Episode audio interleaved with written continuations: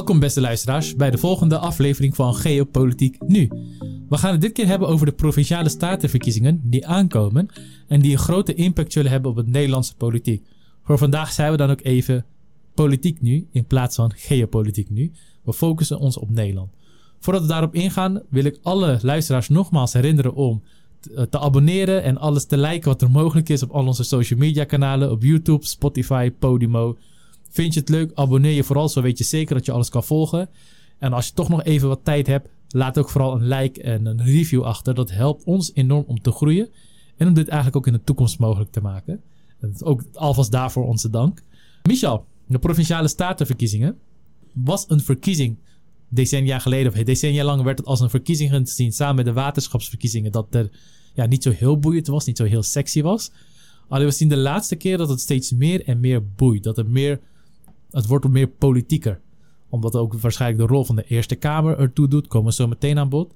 Maar waarom doen deze provinciale statenverkiezingen zo toe? Waarom is het zo een hot issue aan het worden? Heel simpel, de coalitie is volledig afhankelijk van de steun die zij kan vergaren in de Eerste Kamer om de wetgeving er doorheen te krijgen. En er komt heel belangrijke wetgeving aan, onder meer over stikstof, maar ook over de spreidingswet of de dwangwet, afhankelijk van je eigen politieke voorkeur. En daarvoor heeft de coalitie, bestaande uit de VVD, D66, het CDA en de ChristenUnie een meerderheid nodig van 38 zetels minimaal in de Eerste Kamer. En die staat enorm onder druk. Ze gaan zelf, volgens de peiling in ieder geval, ruimschoots minder zetels halen dan zij vier jaar geleden deden. En daarbovenop komt ook nog eens dat de vraag is of met name Partij van de Arbeid en GroenLinks voldoende zetels gaan halen om de coalitie aan een meerderheid te helpen. Dat is mijn lezing op de zaak. Dat de vraag van deze verkiezingen gaat zijn: behalen de genoemde gevestigde zes 38 zetels of meer Gebeurt dat, dan denk ik dat er een mogelijkheid is dat de rit wordt uitgezeten door het kabinet. Ik acht de kans nog steeds kleiner dan 50% overigens. Gebeurt dat niet, dan is de kans echt denk ik nog kleiner dan 3% dat het kabinet gaat overleven. Oké, dus heel, eigenlijk het lot van het kabinet hangt af van 15 maart. Wat er gaat gebeuren. Zeker. En zeker ook het lot van de nieuwe partijen. Nou, daar gaan we het vandaag over hebben. Over de doorbraak van de nieuwe partijen. In hoeverre maken zij kans? En waar bestaat deze doorbraak uit? Eigenlijk hoe komt dat? Waarom stemmen burgers er steeds meer op? Als het kabinet gaat vallen, is het volgende onderdeel van door wie zou het komen? Wie zal als eerste stekker eruit trekken? Dat is namelijk ook altijd een leuk onderwerp.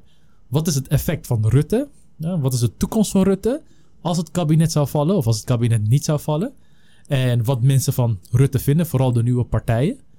En ook over de, aangezien het over de provinciale statenverkiezingen hebben, wat de onderwerpen zijn die er spelen.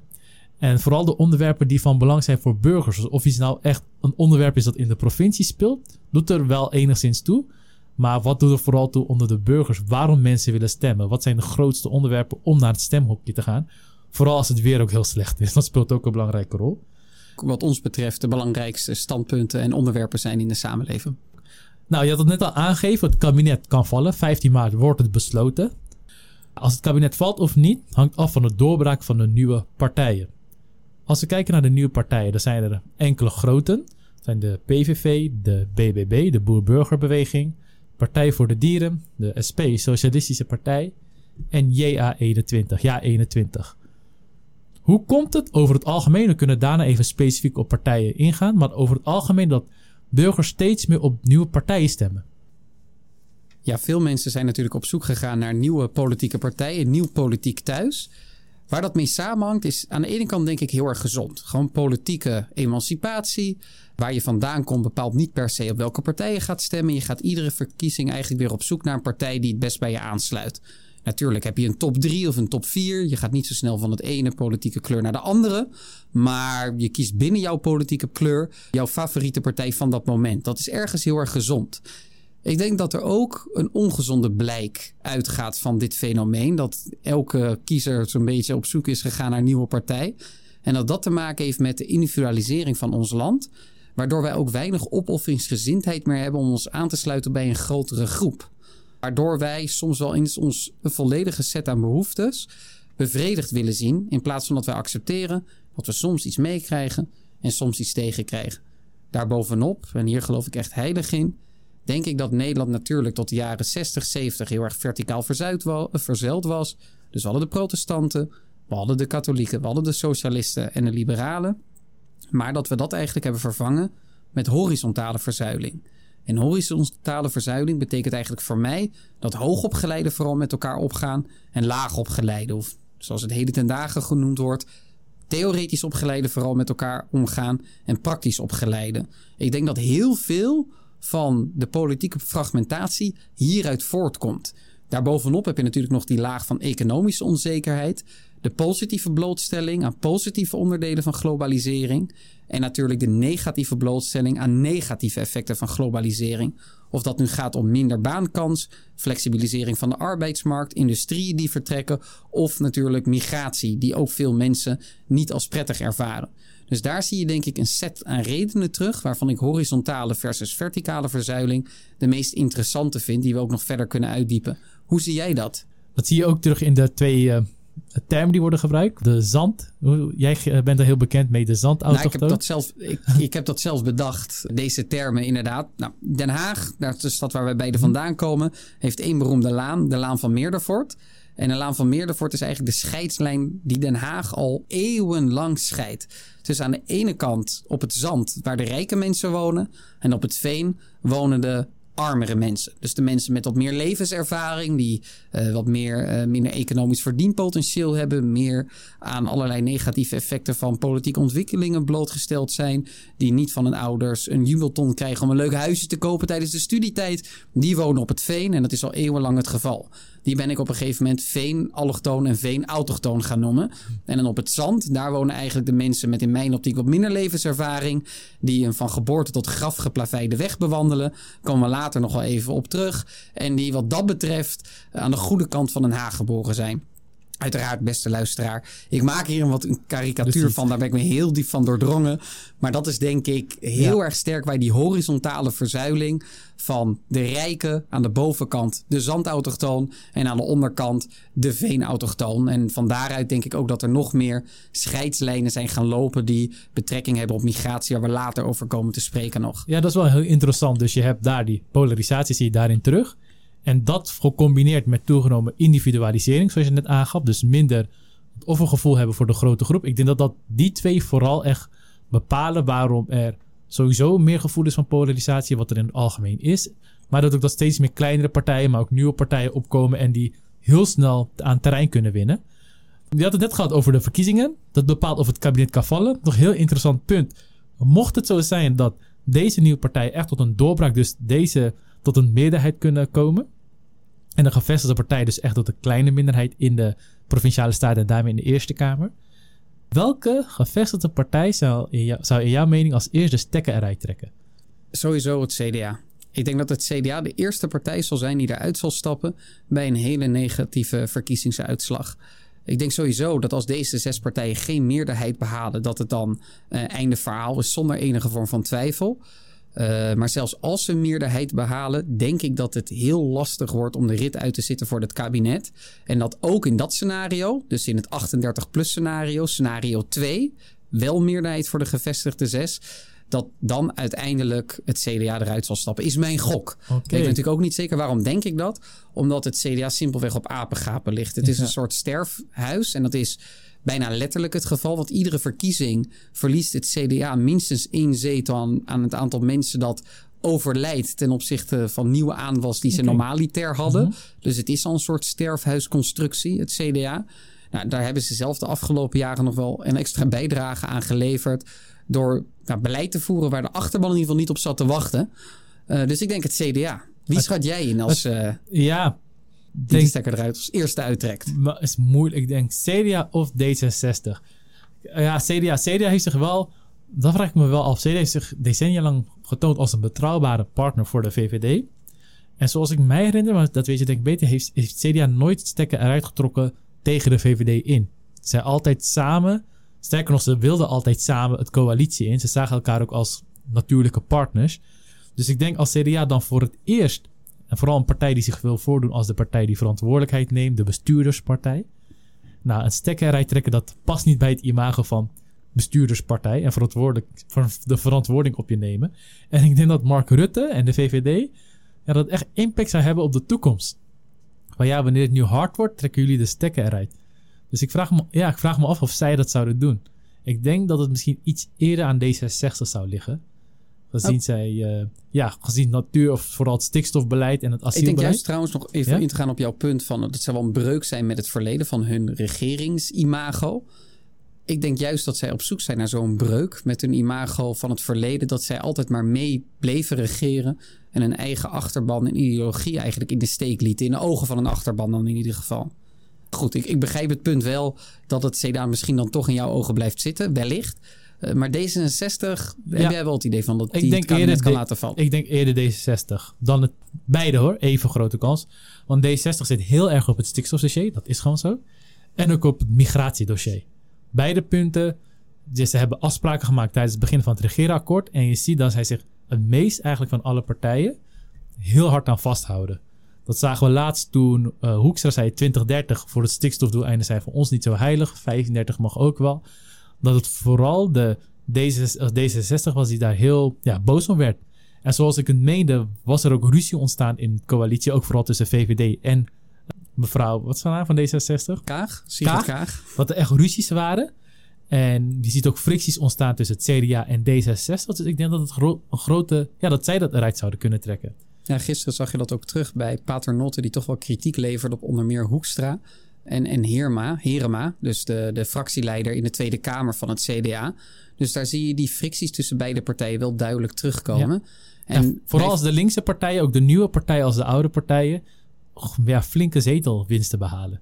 Nou, ook al verliezen de groep PvdA GroenLinks misschien enkele zetels of G1, maar de nieuwe partijen winnen aan zetels. Ik denk dat D66 dat wel een beetje ziet zitten.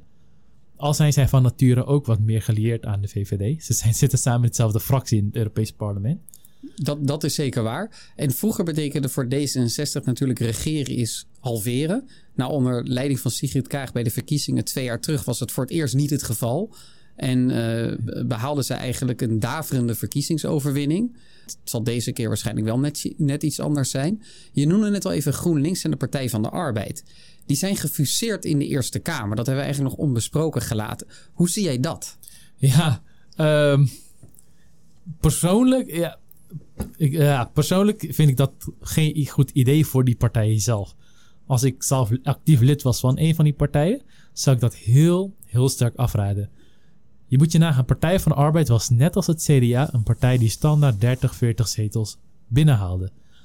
Die stemmers die zijn niet weggegaan, die zijn niet overleden, die zijn naar andere partijen. Naar welke partijen? Meen ik vooral naar partijen als bijvoorbeeld de SP, maar ook de PVV. Vooral de PVV. Veelal oud PvdA'ers. Dat is altijd de ervaring die ik zelf heb, die ik zelf zie en meemaak.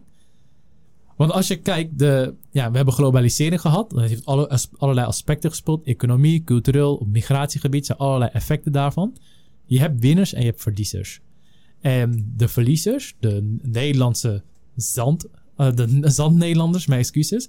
Ja, zij konden van tevoren vroeger altijd rekenen op de Partij van de Arbeid. De Partij van de Arbeid komt de voor ons op. Nederlanders De? V-Nederlanders die wisten, de Partij van de Arbeid komt eh, voor ons op. Nou, zij menen, zij zien dat het niet is gebeurd. Zij zitten vooral met de gebakken peren van globalisering en al die effecten daarvan. Naar mijn mening, als je kijkt naar de achterban van GroenLinks, dan zijn dat vooral de mensen die voordelen hebben gekregen van globalisering. Migratie, cultureel en economisch gebied. Dus dat die twee samengaan, ik denk van ja, het, het past niet zozeer als je echt kijkt vanuit de optiek vanuit de achterban. Ik meen dat je dat als, vooral als Partij van de Arbeid er beter aan zou doen om je dat te houden voor wat het is. Tuurlijk, je mag samenwerken, je moet samenwerken met andere partijen. Maar vooral de focus te zetten, oké, wat was onze kern? Wie is onze achterban? En hoe komen we weer voor hun op? Ik denk dat ze dan zo een breuk kunnen maken en weer door, door kunnen groeien. Een klein voorbeeld. Denemarken, Zweden hebben ze dat gedaan. Kunnen misschien later op in hoe ze dat hebben gedaan. En daar zie je dat ze ja, weer winsten halen. En eh, ja, dat is dus wel mogelijk. Hoe zie jij daar tegenover? Ja, hoe ik dit zie, ja, ik, ik ben het eigenlijk roerend met je eens dat de Partij van de Arbeid er in mijn ogen als oud P van de A ook verstandiger aan doet om niet, niet te fuseren met GroenLinks. Ik vind dat een van de meest onverstandige eh, beslissingen uit de historie van de sociaaldemocratie, politieke democratische geschiedenis. Ik ben er echt falikant op tegen.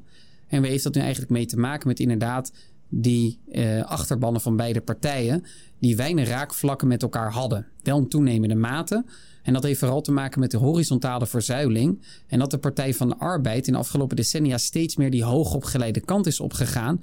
En zich steeds meer eigenlijk is gaan, uh, is gaan vissen in de, in, de, in de vijver van D66 en GroenLinks. En daarmee hebben ze in mijn ogen wel eens die oude achterban totaal uit het oog verloren.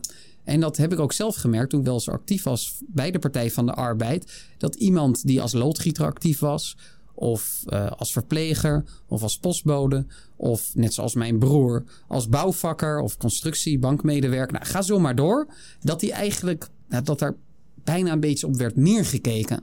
En dat de hoogopgeleide echt absolute dictaten uit konden schrijven voor de partij.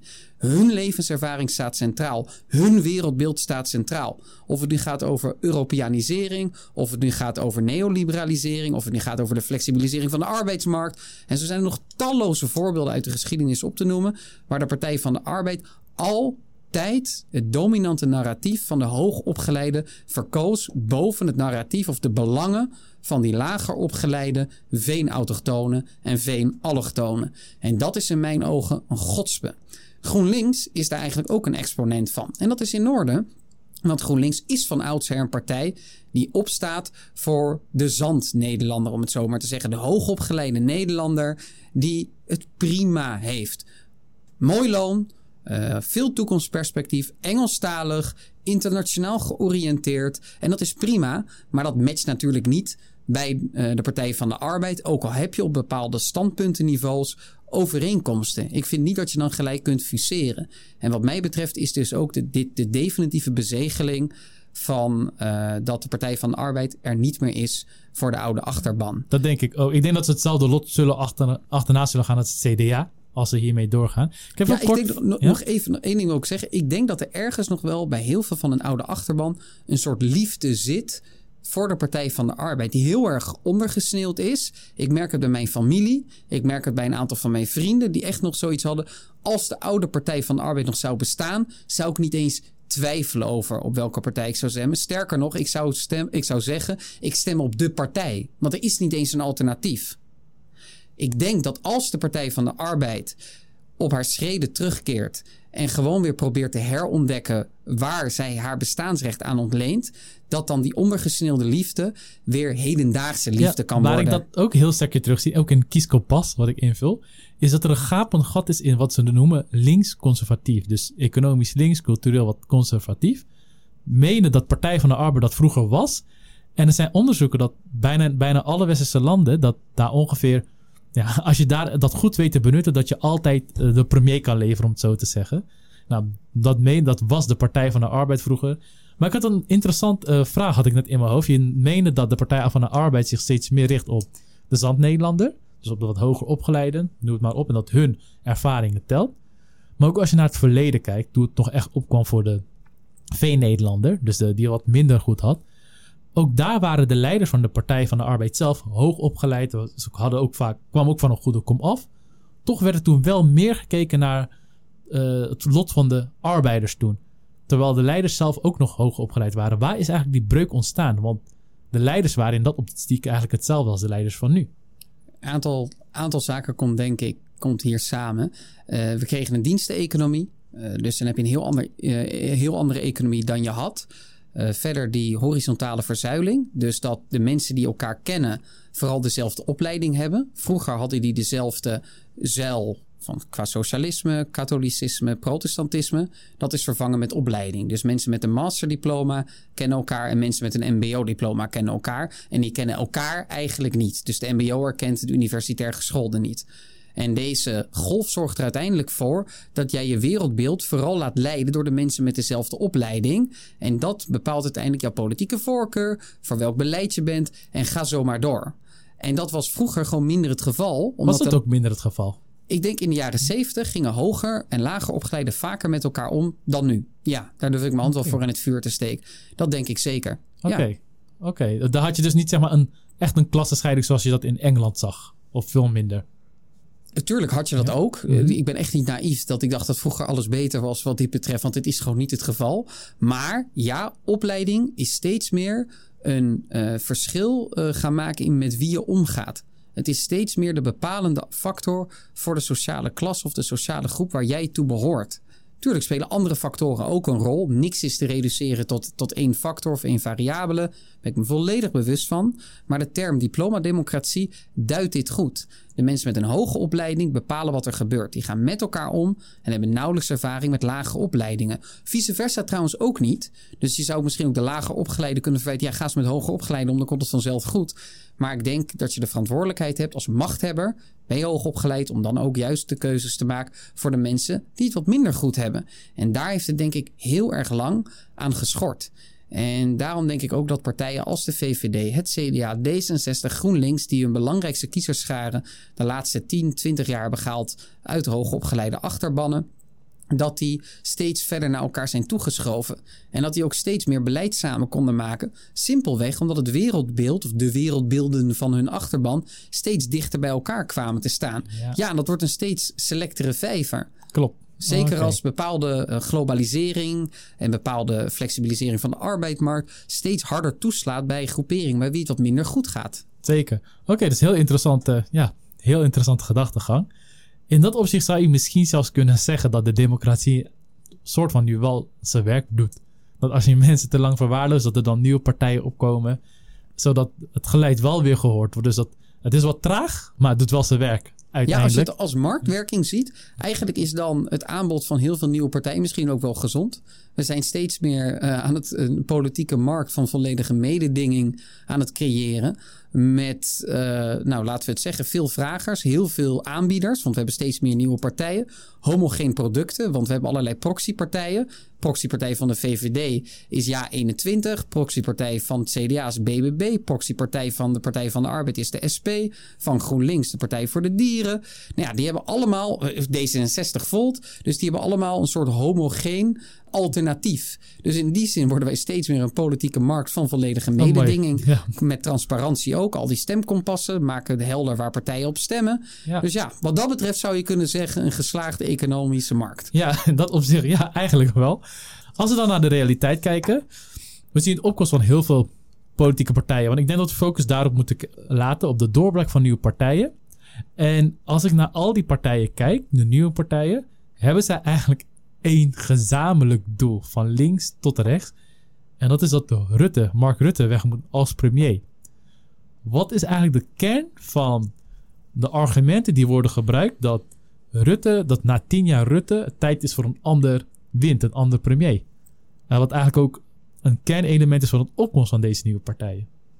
Omdat Nederland op vrijwel elk beleidsterrein een bestuurlijke crisis kent. Van onderwijs tot en met gezondheidszorg, van armoede die toeneemt, zowel onder werkenden als onder niet-werkenden, tot en met onderwijsongelijkheid, van stikstof tot en met infrastructuur die vastloopt, de NS die niet meer kan rijden. Er is eigenlijk bijna geen beleidsterrein waar wij niet een bestuurlijke crisis kennen.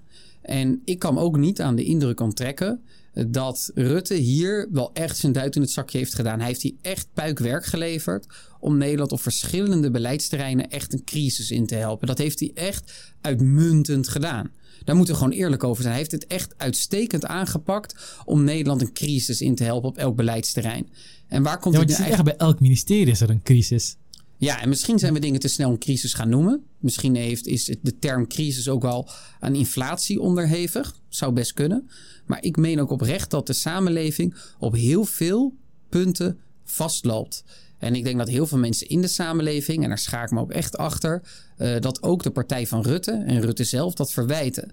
Waar bij mij in de kern op neerkomt, er zijn natuurlijk allerlei redenen die eraan hebben bijgedragen. Ook dingen die totaal buiten zijn invloedssfeer lagen. Maar er lagen ook dingen heel duidelijk binnen zijn invloedssfeer. En twee daarvan wil ik graag benoemen.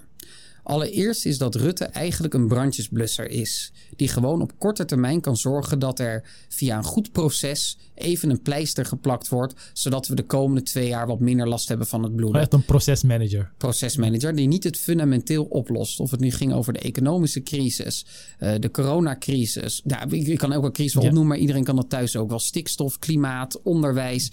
Belastingen met toeslagen. Belastingen, toeslagen, affaire. Jeugdzorg, ja. Jeugd, echt talloze crisis kon hij tijdelijk een pleister plakken. Vooral gericht op het betaalbaar houden van dat dossier. Was iets betaalbaar, dan was het oké. Dat was een beetje de kern. Het tweede is, wat hij denk ik heel diep heeft ingevoerd, en dat is uh, een blijk van een langere tendens vanaf de jaren 80, vanaf de jaren 90. En dat is denk ik wat wel eens het New Public Management of neoliberalisme wordt genoemd. Nou, op zichzelf zitten er heel positieve dingen aan, want ik denk soms dat privatisering werkt. Ik denk soms dat decentralisatie werkt. Maar één ding van het neoliberalisme vind ik heel giftig. En dat is het echt loslaten van heel veel prestatiemetingen in de publieke sector. Betekent eigenlijk dat jij wilt laten zien als publieke organisatie dat je heel goed presteert door op één bepaalde indicator goede resultaten te overleggen. Ik denk dat de werkelijkheid voor publieke organisaties veel weerbarstiger is. Een publieke organisatie, of dat nu de jeugdzorg is, of het UWV, of het ministerie van Volksgezondheid, of een ziekenhuis, of een school, of andere publieke organisaties, niet op basis, of een universiteit waar wij zelf voor werken, niet te reduceren zijn tot het bewerkstelligen van één indicator. En dat zij juist een, uh, een, een soms ook tegenstrijdige belangen en waarden moeten vertolken implementeer jij prestatiemetingen, kan het uiteindelijk zorgen voor perverse prikkels. En die perverse prikkels leiden uiteindelijk tot een ondermijning van de waarde van een publieke sector. Ja, want als ik en werk, ik denk dat hij daar heel verantwoordelijk want is als voor ik is werk geweest. voor een organisatie en ik weet er wordt op dat punt gekeken en op dat punt word ik beloond of gestraft, dan focus ik me ook alleen op dat punt.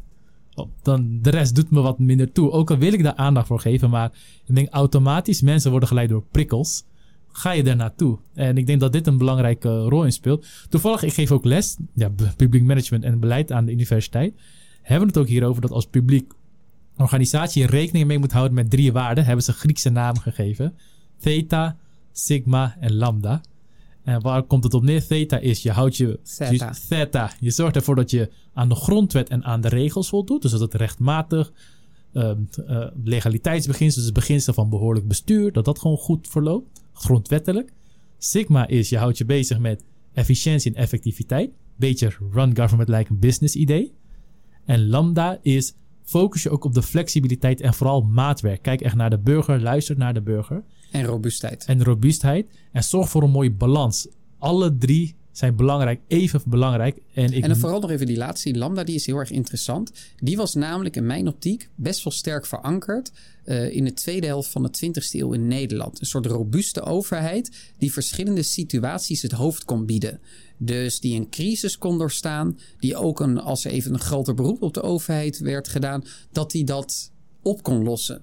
Onze overheid is nu erg heel erg ingespeeld op de status quo in stand houden verandert de status quo wat, dan zitten we weer in een nieuwe crisis. Of dat nu gaat over, om een hoge instroom van migratie, of dat het gaat om wat extra bedden in de zorg, of dat het gaat om wat grotere werkloosheid. Het maakt niet uit. Ja, er is geen buffer. Er is nee, geen drempel. Er is nooit een buffer. Bij Defensie ook niet. Ene elektriciteitsnetwerk hebben we uitgebreid ook in de podcast over gehad. Ook daar zagen we terug dat die lambda-waardeset volledig overboord gegooid is. Alles draait om het zo efficiënt mogelijk maken van de publieke sector.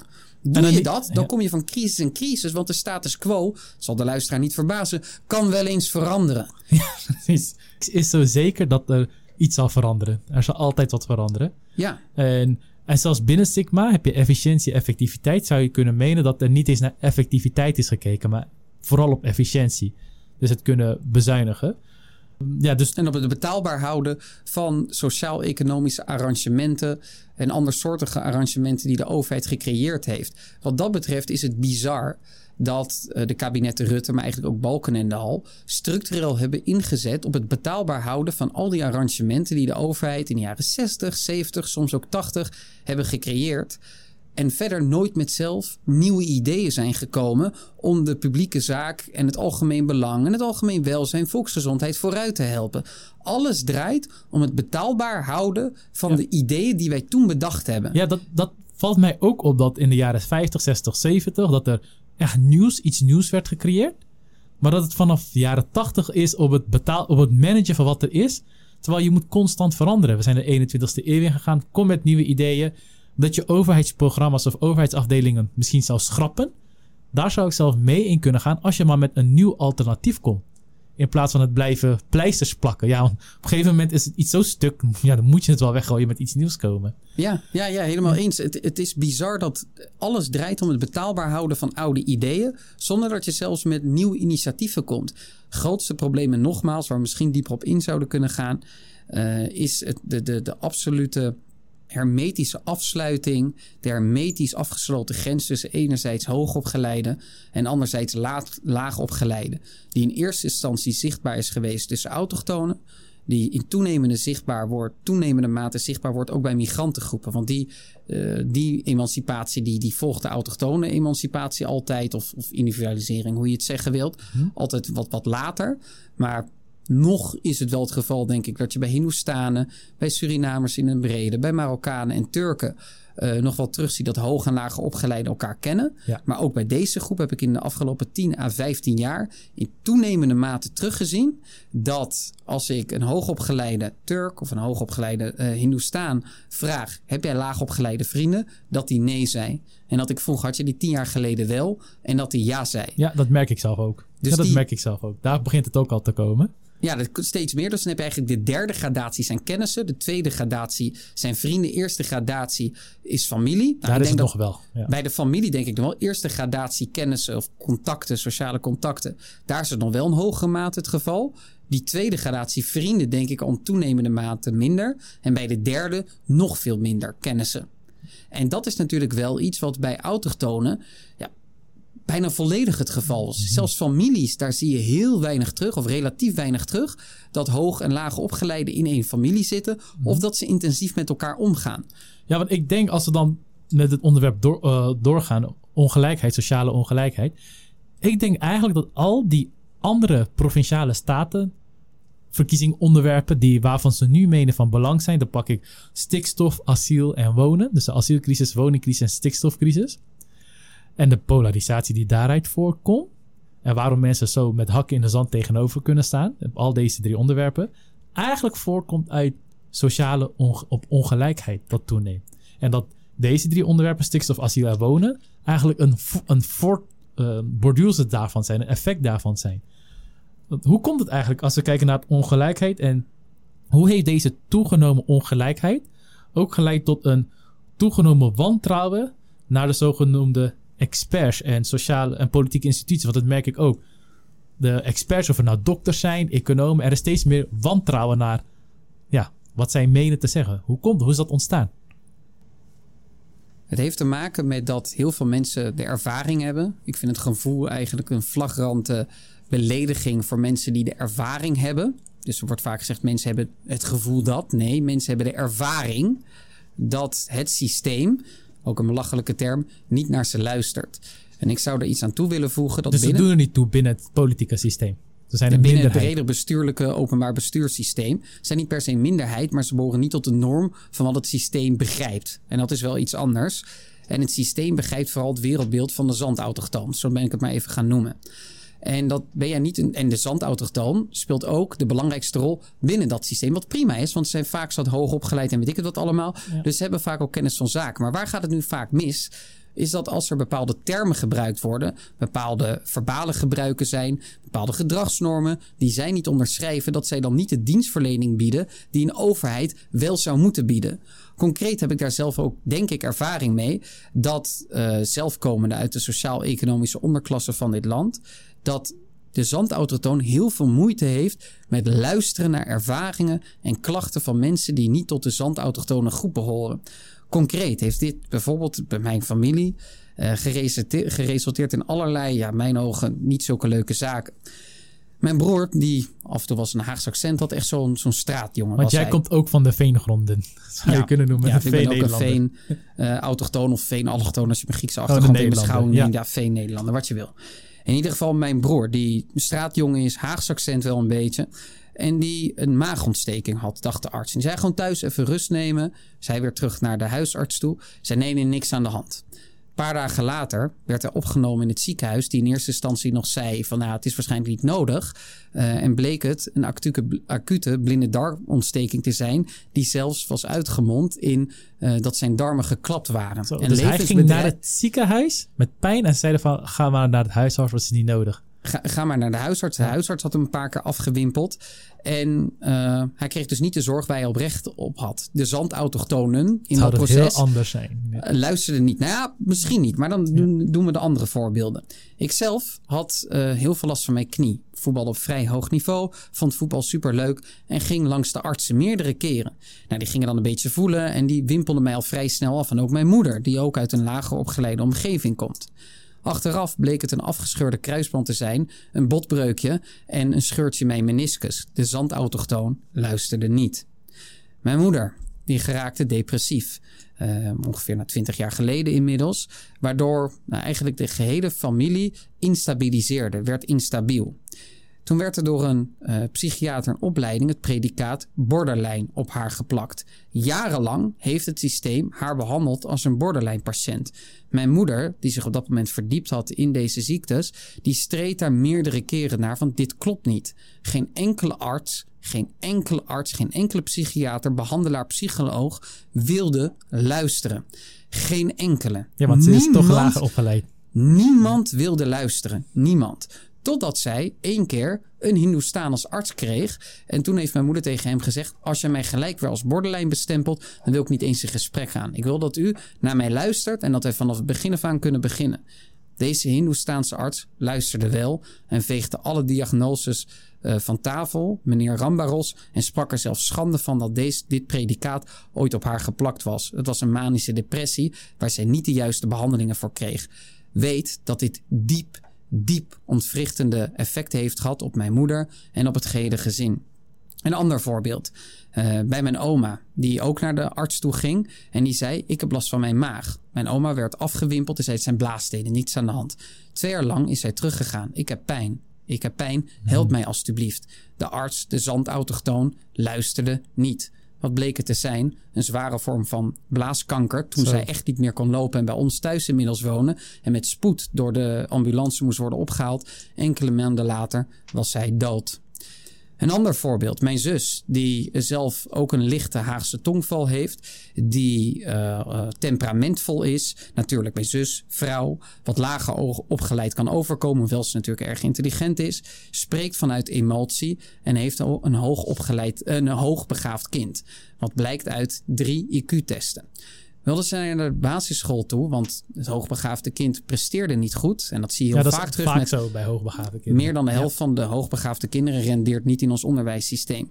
Heeft onder meer ermee te maken met dat ons onderwijssysteem heel erg op het gemiddelde is gericht. Gemiddelde ja. en alles wat daarbuiten valt, dat, dat laat het aan zijn lot Klopt. over. Nu zijn er allerlei programma's opgetuigd om uh, te zorgen dat hoogopgeleide kind, hoogbegaafde kinderen uiteindelijk wel uh, de hulp krijgen die zij nodig hebben. In de gesprekken met school merkte zij dat zij niet serieus werd genomen. Wat waarschijnlijk, is mijn inschatting, samenhing met haar wat meer Haagse tongval, wat lager opgeleid, temperamentvol sprekend uit de emotie. En wat ik vaak nu bij zandautochtonen zie, is dat zij heel vaak spreken vanuit het nuchter rationele.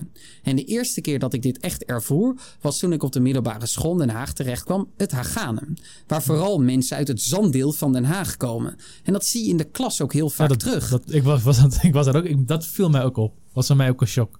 Ja, dat was een shock. En waar niks mis mee is. Die nee. mensen moeten ook samenkomen Klopt. met mensen van het veen. Maar zelfs in de klas zag je daar altijd terug dat de mensen van het veen bij elkaar zaten en de mensen van het zand samen zaten. Gingen allochtonen en autochtonen met elkaar zitten, dan wist je die komen van, samen van het veen Klopt. of samen van het zand. Dus dat snijdt dwars door etniciteit en religieuze achtergronden in.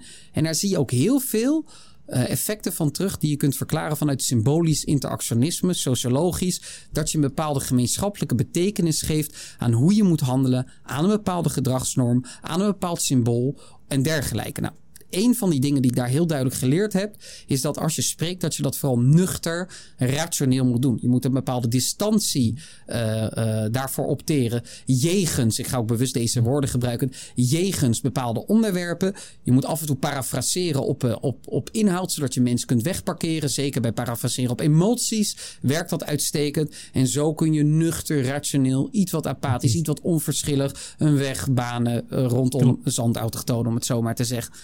Bij dat gesprek bij mijn zus op school was dat niet anders. Die directeur, die het echt niet slecht bedoelde, zelf een zandautochtoon zijnde, die weigerde categorisch om naar mijn zus te luisteren.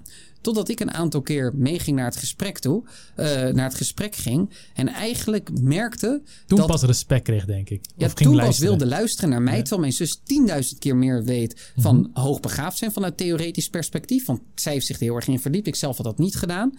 Maar ik wist wel hoe dat nuchter rationele spelletje werkt. En daardoor kon ik het punt, wat dat betreft, veel beter overbrengen dan zij. Pas op dat moment kreeg mijn nichtje de hulp die zij nodig had om te renderen bij het onderwijssysteem. Was natuurlijk al veel te laat. Op een gegeven moment, bij haar tweede kind dat ook hoogbegaafd is, is al gelijk een switch gegaan, uh, heeft zij gedaan van scholen. Niet meer naar deze basisschool toe, maar naar een andere basisschool toe. In het rijke gedeelte van, nou, nabij Den Haag, in Voorburg. In Voorburg. Want daar zijn wel de juiste hulpprogramma's opgetuigd voor hoogbegaafde kinderen. Op een school in achterstandswijk vanzelfsprekend niet. Op het zand in Voorburg wel. Dus je ziet het vooral op de, zorg, onderwijs, uh, ik denk jeugdzorg, uh, jeugdzorg belastingen, jeugdzorg verzekeringen. Ook, een goed voorbeeld. Nou, de gezinssituatie was niet even stabiel altijd. Mm -hmm. Nou, mochten er mensen twijfels hebben aan dat, weten kinderen wel voldoende dat uh, wat Nederland ziet als een stabiel gezin en nastrevenswaardig gezin, maak je niet druk. Dat een kind dat ze. komt uit een instabiel gezin weet dat. Het wordt ja. zeg maar echt heel duidelijk gemaakt aan zo'n kind. En nu spreek ik even vanuit een bepaald verdriet of misschien ook wel frustratie. Het wordt echt genoeg duidelijk gemaakt, echt voldoende duidelijk gemaakt als je niet uit zo'n gezin komt en dat je eigenlijk overal de gehele keten op afwijzing kunt rekenen. Daarom word je er ook veel geslotener naar als je enigszins een schaamtegevoel hebt en sociaal sensitief bent. Je sluit je daarvoor af en die verhalen deelde jij niet. Die heb ik ook jarenlang ja. zelfs niet met jou gedeeld. Klopt. Omdat ik wist dat dat bij bepaalde Misschien dat mensen... Ze, daar is hij bij jongeren dat ze wat harder of ruwer worden. Vooral bij jongens. Uh, ja, kan ik menen. Ja, ja, zeker. Als dat heet tot afwijzing leidt, dan ga je daar copingmechanismen voor opbouwen. Was daar niet anders. En wat merkte ik nou zelf op het Agana, maar ook elders? Dat dat de hele tijd op een bepaalde afwijzing kon rekenen. Dus jeugdzorg, waar vooral ook zand-autochtonen werkten, die confronteerde er mij, in mijn ervaring in ieder geval, permanent mee. Zelfs dusdanig erg dat ik ze meer zag als een te managen stakeholder in mijn leven, terwijl ik er al genoeg te managen had. In plaats van dat ze je hulp moesten bieden. In plaats van dat ze me de hulp gaven die ik op dat moment nodig had. Dus jij dacht, oké, okay, dat, een, een, dat zijn mensen die ik even, waar ik even mee moet omgaan, moet managen. En uh, ervoor zorgen dat ik weer naar buiten kan lopen. Zonder dat ik al te veel last van ze krijg. Precies. En hoe zag ja. ik dat nou? Dat zij de hele tijd benadrukte dat mijn gezinssituatie niet stabiel was. Dat wist ik zelf ook wel. Maar binnen dat kader, binnen die marge die, die ik aan waardigheid als het ware over had. Voor mijn familie en voor mijzelf. Had ik graag gewild dat ze voor mij opkwamen en voor mijn familie op zouden staan. Dat het niet normaal was, daar was ik me van bewust. Ik pleegde geen criminele daden. Ik ging gewoon naar school toe. Probeerde goede cijfers te behalen. Ik probeerde me omhoog te werken had me dan op dat moment gesteund in mijn doelen van dat moment dat ik die ik samen met mijn familie wilde behalen. In plaats van te dreigen dat ik bij mijn familie weg moest. En het is ook nog eens goedkoper als je echt op efficiëntie wilt kijken. Het, het zou ook goedkoper zijn. Ja. Ik weet niet, dat had voor mij niet een doelstelling hoeven zijn op zichzelf. Maar daar zie je dus terug dat heel veel onzichtbare mechanismen invloed hebben op hoe mensen behandeld worden door het systeem. Je kunt je voorstellen dat dit heel veel invloed heeft gehad op heel veel mensen die dit hebben meegemaakt en hun vertrouwen in de overheid. Ik kan nog talloze voorbeelden aandragen van de zorg tot en met onderwijs, van jeugdzorg tot en met uitkeringen, waarin je terugziet dat mensen op onheuse wijze bejegend zijn, met name door het systeem dat in mijn optiek in ieder geval is opgetuigd, vooral op basis van het wereldbeeld okay. van de zandautochtoon. Dus ook al kan je stemmen en worden gemeend, ja, je hebt toch democratie, je kan stemmen, je kan lid worden van een partij. Het heeft sowieso geen impact, geen invloed. Als je echt niet het gevoel hebt wat je aangaf, maar je ervaart dat wat jij meemaakt niet de norm is. Dat het niet past. En in, dat het systeem daar ook niet adequaat dat, op reageert. Terwijl als er bijvoorbeeld een... Uh, dat is ook een ander voorbeeld. Dat ze ging kijken naar wegenbouw, snelwegenbouw. En uh, ja, infrastructurele projecten die niet zo heel leuk zijn. Dat als er door wijken worden, in de wijken worden aangelegd wat voor wat lager opgeleide mensen wonen, dat het gewoon gebeurt. Maar in hoger opgeleide, dat was het. In hoger opgeleide werken gebeurt bijna 90%, eigenlijk zelfs 95% plus datgene wat de bevolking daar wil. En wat ze niet willen, gebeurt niet. Terwijl bij lager opgeleide wijken, of ze het nou willen of niet, het gebeurt. Of het gebeurt niet. Dus het of, maakt... of, het gebeurt niet, het gebeurt gewoon wel. Of altijd. het gebeurt gewoon wel. Die projecten worden gewoon uitgevoerd. Of als ze iets willen verbeteren, dan gebeurt dat weer niet. Oh, dus bedoel, ja. in die opzicht van... Ja, dan kan ik heel goed begrijpen dat het wantrouwen ook toeneemt. Ook het wantrouwen niet alleen naar instituties, maar ook naar expert. Ik wil het eigenlijk doortrekken naar de, de, de, ja, de onderwerpen van de provinciale statenverkiezing. En ik meen dat deze ongelijkheid impact heeft, of eigenlijk mede een oorzaker is van waarom er zo uh, wantrouwend wordt gekeken naar de andere onderwerpen. Laten we stikstof en asiel bijpakken. Uh, stikstof, hoe verklaart eigenlijk de ongelijkheid en het stikstofdossier dat eruit voorkomt, uh, dat er zo'n polarisatie is. En vooral de opkomst van BBB hieruit te verklaren valt. Ja, ik denk dat dit wel lange halen snel thuis is. Mhm. Maar wat ik hier meen terug te zien in ieder geval, en ik denk jij ook, is dat Nederland, veel Nederlanders in ieder geval, negatieve ervaring hebben met de overheid. En met het systeem. En het idee hebben dat het systeem hen niet dient. En dat als jij dat gevoel hebt en je hebt het idee dat een andere groep in de verdrukking komt door diezelfde overheid, dat er een soort inherente solidariteit ontstaat van, maar wij zijn samen tegen dit systeem. Het systeem heeft mij toen ter tijd daar gepakt, dus ik ga er nu voor voorkomen dat die boeren nu ook worden gepakt door het systeem terecht of niet. Ik denk dat dat ook wel eens het solidariteitsdenken is, dat diep verankerd zit in anti-establishment partijen. Terecht of niet, hè? want soms doet de overheid ook uitstekende dingen. Daar zijn wij ons van, als bestuurskundigen Ja, maar ik, ik denk heel je- erg van bewust. Ik denk je kan meevoelen in het lot van anderen. Vooral als je het gevoel hebt dat jij je hebt het zelf meegemaakt. En je ziet aankomen dat een ander het lot zal meemaken wat jij hebt meegemaakt. ja, Dus ik kan me heel goed voorstellen dat je denkt, jongens, ik ga in ieder geval zo willen voorkomen dat het ook jullie gebeurt. Dat je Ja. zo'n empathie voor krijgt. Ja, en dat, kun je vanuit allerlei van die spillover-effecten terugzien. Bijvoorbeeld, heb jij tien jaar geleden met ledenogen aangezien dat de hele arbeidsmarkt geflexibiliseerd werd? En denk jij nu weer van, oké, dat heeft mij toen ter tijd niet goed gedaan. Dan kan ik me heel goed voorstellen dat jij nu dan denkt, oké, ik laat die boeren nu niet keihard gepakt worden door de overheid. De overheid heeft natuurlijk waardeloos beleid jarenlang gevoerd. Ik denk desondanks dat wij wel de stikstofproblematiek moeten aanpakken. Uh, maar ik kan me heel goed voorstellen dat de bevolking zich daartegen keert. Simpelweg omdat de overheid jarenlang zijn eigen weerstand gecreëerd heeft. Het lijkt wel bijna doelbewust gedaan. ja, als ik het zo zie. Uh, eigenlijk, dit is ook het effect als je constant pleisters plakt. Je kan het doen, maar op een gegeven moment ja, loopt het systeem gewoon stuk. Uh, je, je, kan niet constant pleisters blijven plakken. Um, maar het is een, ja, een leuke gedachtegang over stikstof en hoe het vooral de opkomst van BBB verklaart. Ik ben er zelf overigens ook mee eens. Uh, en als we dan kijken naar het andere belangrijk onderwerp, dat, waarbij wordt, veel wordt gesproken, is asiel. Kan je hier eigenlijk hetzelfde over spreken? Dat je hebt, de, je hebt degene die voordelen hebben gehad uit globalisatie en vooral uit migratie, maar ook degene die nadelen hebben ondervonden. En nadelen, asiel of migratie kan voordelen hebben, maar het brengt ook gewoon druk op de sociale voorzieningen. Uh, stijging van criminaliteit, stijging van het leefbaarheid dat afneemt in bepaalde wijken. En ik weet het, want ik heb me de hele leven in gewoond. Ik woon er nu ook nog steeds in. Met bu buren waar tien mensen in een kamer slapen. Uh, zie je daar hetzelfde eigenlijk in terug? Ja, dat denk ik wel. Ik, ik had het net al even voor zandautochtonen en, en veenautochtonen. Nou, die zandautochtonen, die, als we het even karakteriseren, hè, even heel erg versimpelen, ja. die een soort van geboorte tot graf geplaveide weg bewandelen aan de zandkant van Den Haag.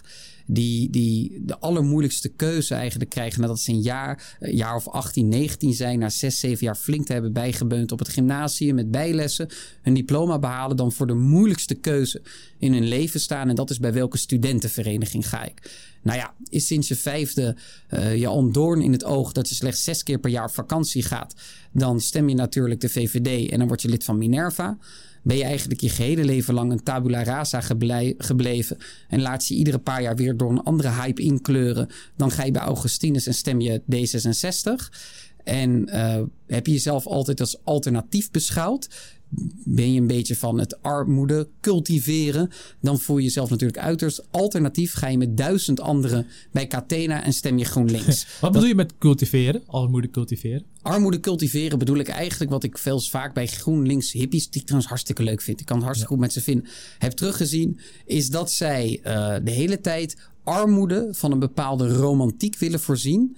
Mm. En uh, zelf ook dat proberen zich toe te eigenen door het bij zichzelf uit te vergroten. Of juist uh, met heel weinig geld door Azië te willen verhuizen. Waar nou, vriendin die zelf uit Sri Lanka komt, waar de Sri Lankaanse bevolking echt kotsmisselijk van kan worden. okay. Dat er van die blanke kindjes uit Rijkenwijk uit Nederland popiopie arm gaan zitten doen op Sri Lankaanse of Thaise straten. Ja. Daar zit werkelijk waar geen één Aziat op te wachten.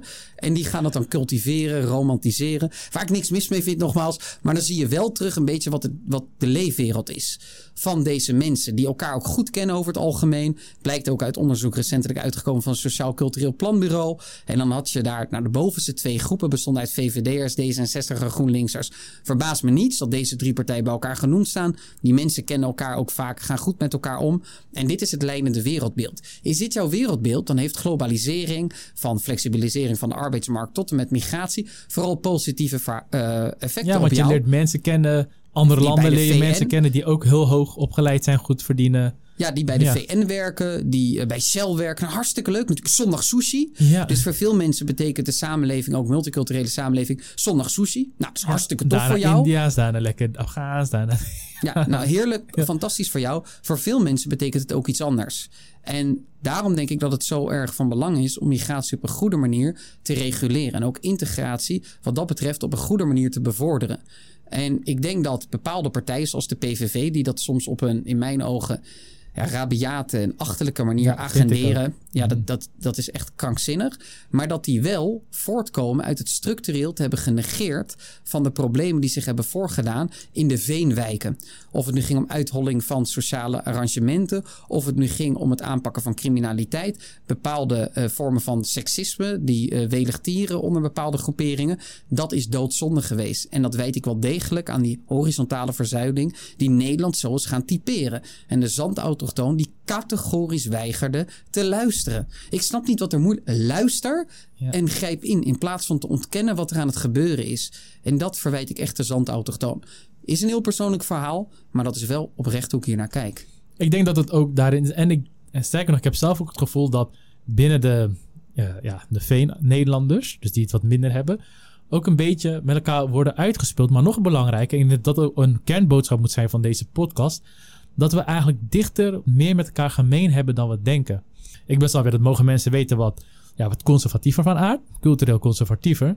Maar als ik dan met uh, mensen in de wijk spreek die dat er juist niet zijn, maar gewoon hun problemen aanhoor, dan heb ik het gevoel van geef ons even een kop thee of een biertje, laat ons even een half uurtje alleen. Dan heb ik het gevoel, ja, we komen samen, komen gewoon zo uit. En dat, ja, omdat we beide hetzelfde hebben meegemaakt. We wonen in dezelfde wijken. En ook in die wijken zelf, waar ook veel allochtonen wonen. Ook zij willen goede scholen, veiligheid, uh, ja, allerlei dat andere zaken. Dat hard worden aangepakt. Dat oh, dat criminelen keihard worden aangepakt.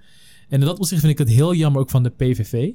Uh, eh, ja, dat zij zo. Ik vind het eigenlijk een belediging naar het achterban doel. Het niet serieus nemen van echt de problemen die daar spelen. Vind ik persoonlijk. Nee, ik denk dat, de PVV ook nul ambitie heeft om problemen echt goed te adresseren. De enige partij die ik in Nederland. En dat is wederom heel persoonlijk. Ik, heb, ik ken meerdere moslims, geen grap, ik zweer. Die hebben aangegeven dat ze op PVV zouden stemmen. Als ze Wilders niet dat.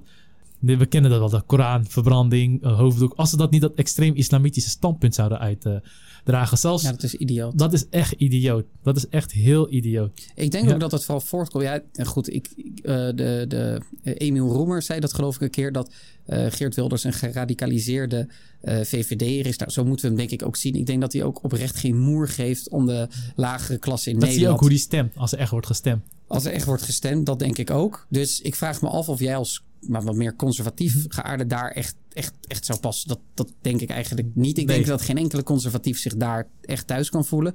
De enige partij die ik echt van oudsher vind die dit goed geadresseerd heeft, door in ieder geval een probleemanalyse, niet in de oplossingen, maar wel een probleemanalyse, is de SP.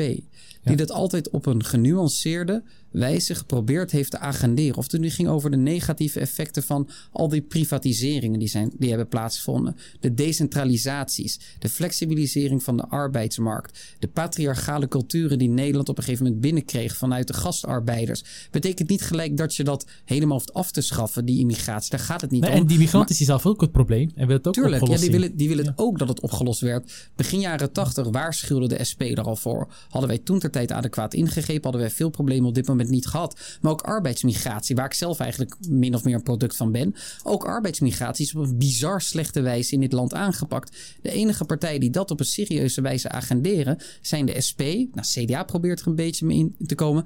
En de ChristenUnie. Dat je niet ongereguleerde arbeidsmigratie kunt laten, uh, kunt laten plaatsvinden. Waarom niet?